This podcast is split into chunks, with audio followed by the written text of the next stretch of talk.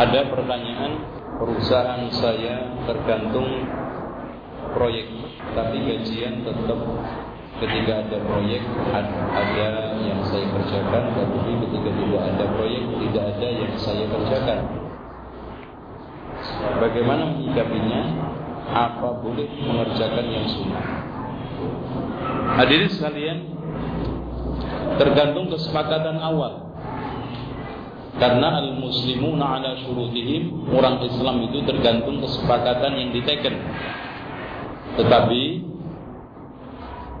man istarata syar'an. Eh syartan siapa yang menyaratkan suatu syarat? Yukhaliful kitab huwa batil. Syarat itu menyelisih Alkitab maka syarat itu terbatil.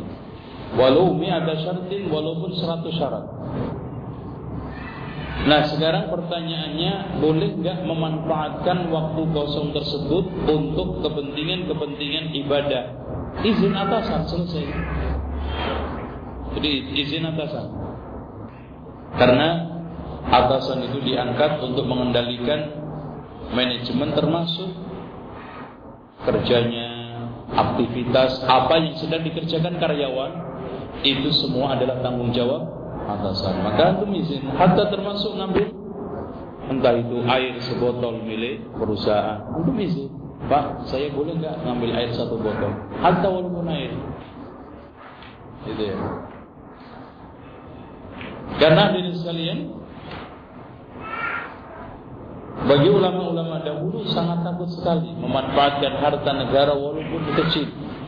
Walaupun kecil bentuknya.